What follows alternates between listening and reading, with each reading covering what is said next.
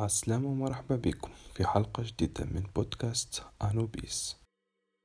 حكايتنا اليوم صارت كالعادة في الولايات المتحدة الأمريكية في مدينة صغيرة في مقاطعة إليس من ولاية تكساس. نهار 29 جويلية من 1993 الدنيا سخونة جماعة مروحين من الخدمة لاحظوا في طريق فرعية ما بين الأشجار جثة متاع طفلة. راسها منحي ويديها مقصوصين. وبالوقت كلموا 911 911, what's your emergency? كيما 197 عنا إحنا كيف وصلت الشرطة؟ لقاو كيف ما لقينا لكم جثة متاع طفلة صغيرة. القاتل قصلها راسها من بدنها وزاد نحلها يديها الزوز من المعصم. وزاد لقو آثار متاع رصاصتين واحدة في ظهرها والأخرى في راسها. وزاد جروح بالغة على مستوى البطن والأعضاء التناسلية. على بعد مية متر تقريبا لقاو جثة أخرى. متاع طفل صغير حوايجو مازالت فوقه. وعليه أثار متاع رصاصتين على مستوى الرأس. بجنبه الكرطابة متاعو لقاو فيها بطاقة متاع مكتب. مكتوب فيها الاسم واللقب متاعو و l'adresse اسمه جيمس براين كينغ. أثناء التفتيش فما سياج من النحاس. لقاو عليه شعر أصفر كيما شعر جثة الطفلة تعرف على هوية الطفلة كان صعيب برشا. إيديها الزوز ما فماش باش يطلعوا بها البصمة وراسها كيف كيف باش يعملوا مقارنة للأسنان. والغريب في الأمر ملقاوش عليها حتى أثار اعتداء جنسي. الشرطة في الحالة هذه عندها خيط تبدأ منه الأبحاث. واللي هو بطاقة المكتبة متاع الطفل براين المحققين وصلوا لمنزل الضحية. دقوا الباب خرج لهم جيمس والد الضحية. كيف ورولو البطاقة متاع ولده؟ عرفها وتعرف زاد على محفظة الأوراق متاع ولده. وقال لهم زاد بل الجثة الثانية متاع الطفلة تنجم تكون بنت مرته كريستينا بنجامين. أما ما كانش متأكد بسبب الحالة متاع الجثة. الشرطة أخذت عينة من شعر كريستينا. لقاتو على البروس اللي تمشط بها شعرها. وقارنوه بالشعر اللي لقوه في مسرح الجريمة. ولقاهم الزوز متطابقين متاع شخص واحد. باش يزيدوا يقطعوا الشك أخذا من عند أم كريستينا صورة X-ray قديمة. وقارنوها بصورة جديدة أخذها الطبيب الشرعي. وهكا الشرطة تعرفت على جثتين الزوز. براين 14 سنة وأخته غير الشقيقة كريستينا. من بين الحاجات الأخرى اللي لقاوها المحققين في مسرح الجريمة شعر أصفر آخر أما ماهوش متاع براين وماهوش متاع كريستينا.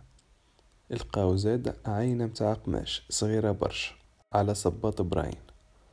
المحققين يعتقدوا باللي العينة هذيك تستعمل في العادة على ال tapis متاع الكرهب اليابانية الصنع معناها هذا يدل باللي القاتل يستعمل كرهبة يابانية.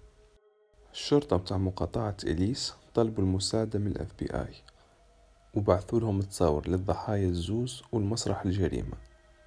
الأجو متاع اف بي اي يحكي عادة القاتل اللي يستعمل الأسلوب هذا في تقطيع من أجزاء جسم الضحية عادة ما يستعمل نفس الشيء مع الحيوانات كيف يكون صغير.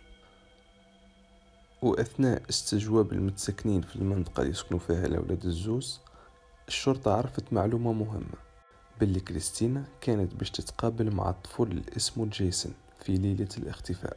حادثة أخرى وقعت نهار 28 جويلية قبل بنهار من اكتشاف الجثث الزوز باش تزيد تقرب الشرطة من معرفة هوية القاتل.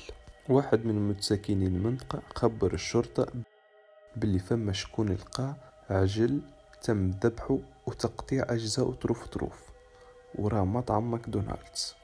وثم شهود شافوا شاب شعره أصفر هرب وخلى الكرهبة متاعه بجنب الحيوان المقتول الشرطة لقت براسلي مكتوب عليها اسم جيسون. في الكرهبة الشرطة زادت لقات ثلاثة بقاع متاع دم شريط لاصق ومطرقة عليهم تراس متاع دم الكلهم يرجعوا للضحية كريستينا. المشتبه به متاع اليوم اسمه جيسون إيريك ماسي. عمره عشرين عام ما كملش قرايته بالطبيعة ويعيش في مدينة كانتون من ولاية تكساس. عنده تاريخ إجرامي يتضمن المطاردة والمضايقة. واحد من الشهود اسمه كريستوفر نولان. كان هو والضحية كريستينا يعرفوا بعضهم. وكان في نفس الوقت صديق جيسون. قال للشرطة باللي هو عرف جيسون على كريستينا. وباللي كريستينا أثناء الحديث متاعهم اقترحت على جيسون باللي هي تحب تخرج معاه. في الليل مخر يا أخي جيسون قالها باش نجيك نهار من نهارات في الليل. ونزمر عليك مرتين قدام داركم باش تخرج لي. معلومة مهمة أخرى توصل للشرطة. صاحب lavage تعرف على جيسون من تصاور في الجرايد قال للبوليسية باللي جيسون غسل كرهبته. واستعمل ال aspirateur. كيف الشرطة مشات؟ لقات شعر كريستينا في ال réservoir متاع ال aspirateur. توا مازال كان باش يعرفوا وقتاش وقعت الحادثة باش يشوفوا est-ce que تتطابق مع مجريات الأحداث وإلا لا. أما حسب رأيكم كيفاش باش يطلعوا وقت وقوع الجريمة؟ للمهمة هذه الشرطة استعانت بعالم حشرات un entomologiste. اللي يرى قاتل يظهر على الجثة عند التعفن عن طريقهم هما باش يحلوهم ويشوفوا الحجم والعمر. ويطلعوا الوقت اللي تم فيه وضع البويضات وبالتالي الوقت التقريبي لوقوع الجريمة واللي هو حسب l'entomologiste أقبل نهارين من اللي لقاو الجثة معناتها نهار سبعة وعشرين جويلية الصباح. وهنا يلزمكم تعرفوا باللي جيمس والد الضحية براين نهار سبعة وعشرين مع الفجاري يفيق على حس كرهبة قدام الدار. كيف يطل يلقى ولده يحكي مع جيسون؟ وكيف يطلع النهار ملقاش ولده وملقاش كريستينا في الدار؟ مشى للشرطة وقدم محضر. وتوا باش نسردو عليكم العملية كيفاش صارت بالضبط حسب المحققين نهار سبعة وعشرين جويلية بعد نص الليل قدام دار براين وكريستينا. يجي جيسون بالكهرباء متاعو يسكت الموتور يزمر مرتين ويقعد يستنى كريستينا وبراين يهبطوا الأولاد الزوز يطلعوا معاه في الكهرباء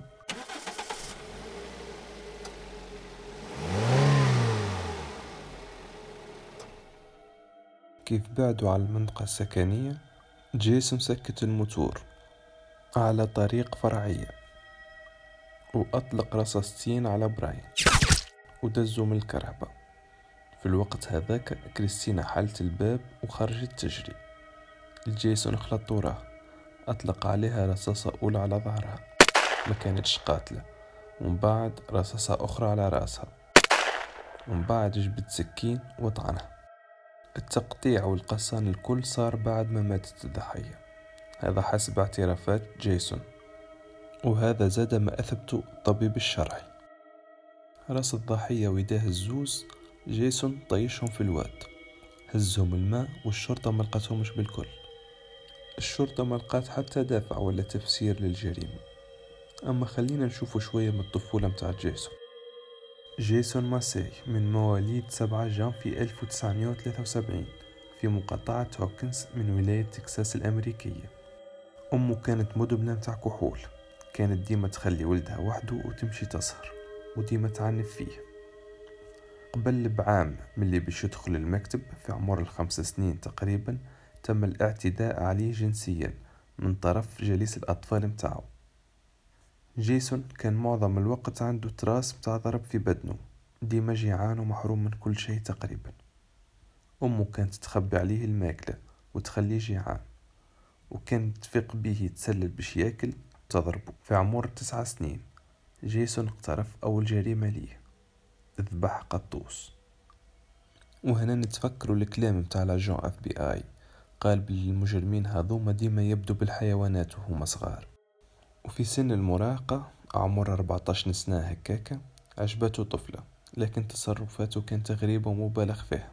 خاطر هي ما بدلتوش نفس الشعور.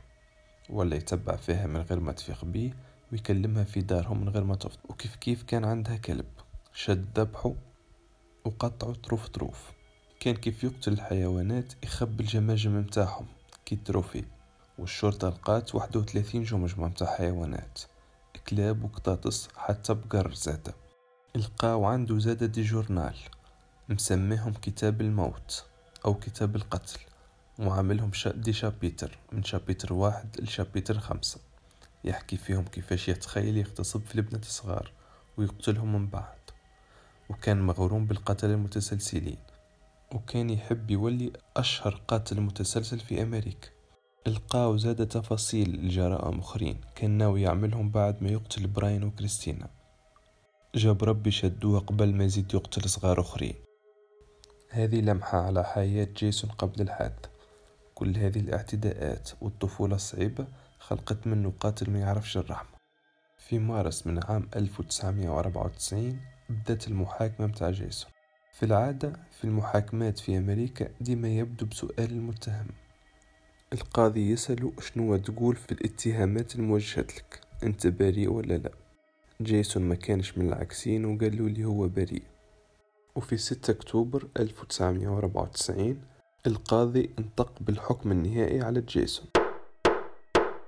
الإعدام بالحقنة القاتلة.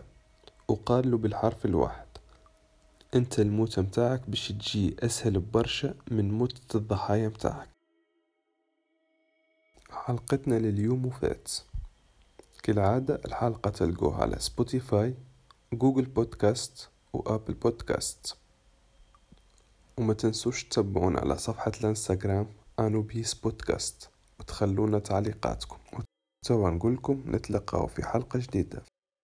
في الأمان وباي باي.